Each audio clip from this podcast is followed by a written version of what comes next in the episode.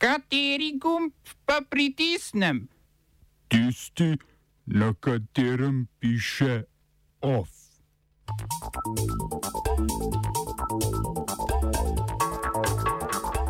Drugi krog regionalnih volitev v Franciji.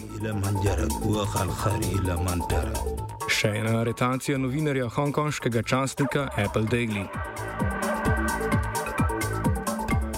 Švedski premijer Lofven napovedal odstop. Ustavno sodišče razveljavilo razlago zakona o kazenskem postopku.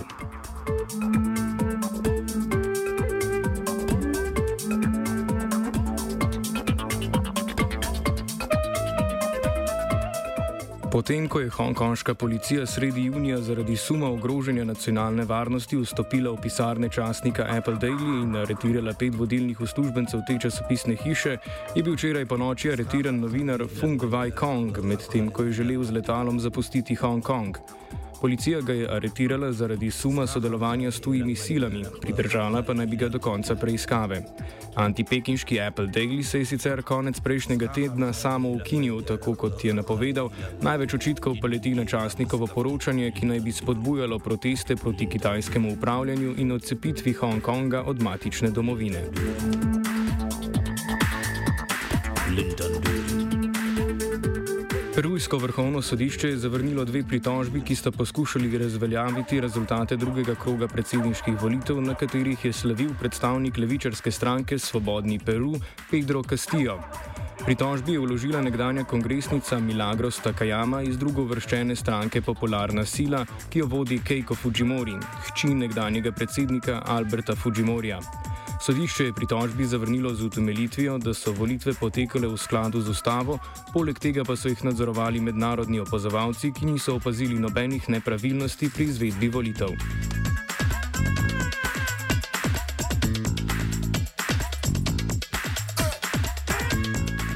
Sudanske oblasti so sporočile, da bodo mednarodnemu kazanskemu sodišču predale nekdanje uradnike, ki so povezani z domnevnimi vojnimi zločini v pokrajini Darfur. Predtem je sudanska vlada že obljubila predajo nekdanjega predsednika Omarja Al-Bashirja, ki je to mesto zasedal v času najintenzivnejših spopadov v Darfurju, a njegova izročitev sodišču v Hagu se še ni zgodila. Spopadi med oblastmi in uporniki v tej sudanski pokrajini so se pričeli leta 2003 in sicer zaradi domnevnega zapostavljanja nearabskega prebivalstva v Darfurju. V konfliktu je bilo ubitih najmanj 300 tisoč ljudi, mnoge pa so spopadi prisilili v beg in nastanitev v večjih begunskih taboriščih, ki so vzniknila po spopadih. Muzika.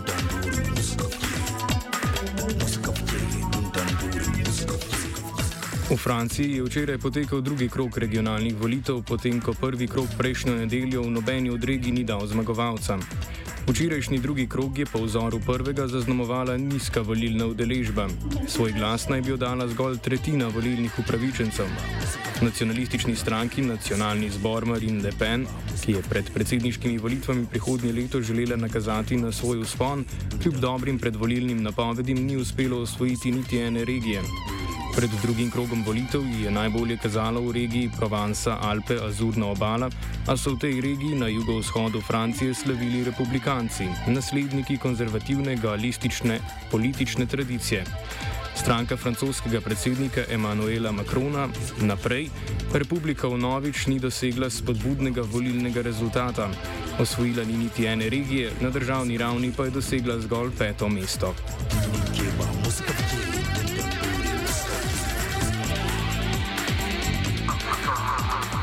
Švedski premijer iz vrst socialdemokratov Stefan Lofven je po izglasovani nezaupnici prejšnji teden napovedal, da bo odstopil z položaja. Sicer je imel po nezaupnici teden dni časa za odločitev, ali bo odstopil z položaja in ga prepustil nekomu drugemu, ali pa bo razpisal predčasne volitve.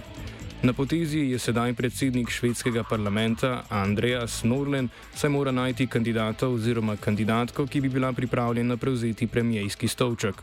Loifven je švedski premijer od leta 2014. Od leta 2019 pa je vodil manjšinsko koalicijo z zelenimi ob podpori sredinske stranke in liberalcev.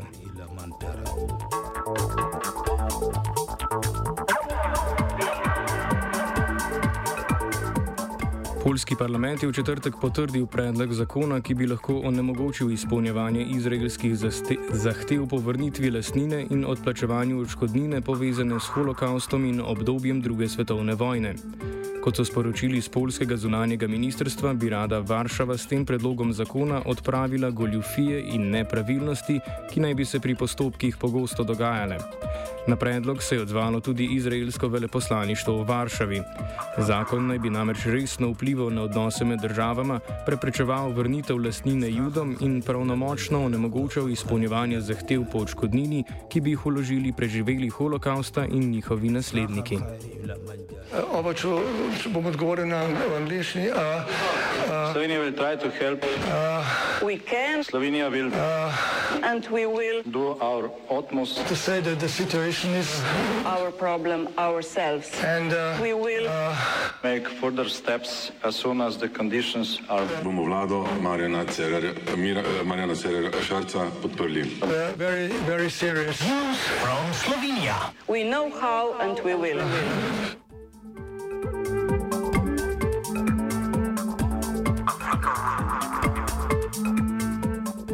Ustavno sodišče Republike Slovenije je razveljavilo razlago zakona o kazenskem postopku, ki uveljavlja uničenje izsledkov prikritih preiskovalnih ukrepov, če se pregon ne začne v roku dveh let.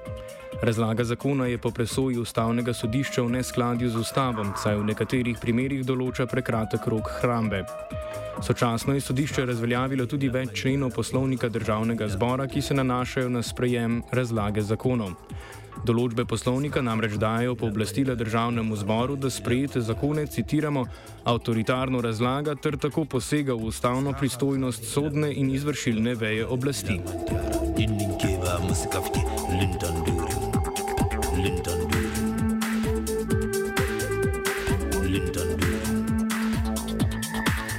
Ljubljanska četrtna skupnost Polje in tamkajšnja civilna inicijativa sta sklicali novinarsko konferenco o problematiki skladiščenja komunalnega blata in elektrofilskega pepela iz komunalnih voda. Dejavnost skladiščenja v zalogu opravlja podjetje ML Surovine, katerega predstavniki se novinarske konference niso udeležili, krajani pa od podjetja zahtevajo takojšnje ukrepanje. Več pove Dušen Levičnik iz civilne inicijative, ki med drugim zahteva tudi zaprtje podjetja.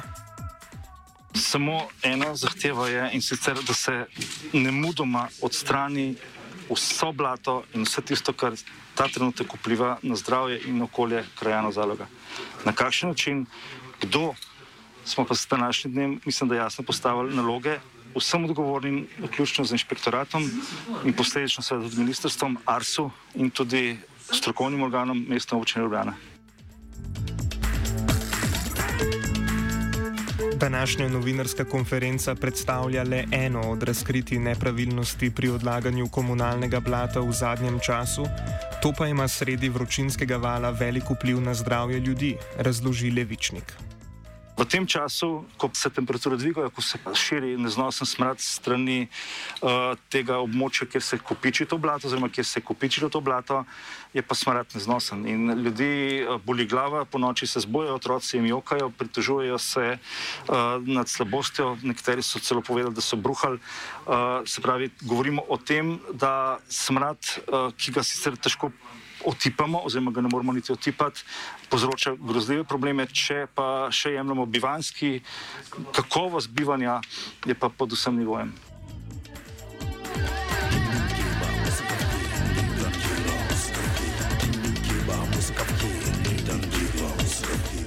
Več o zaloškem smradu, ki bremeni tamkajšnje prebivalce, lahko slišite v offsajdu ob petih.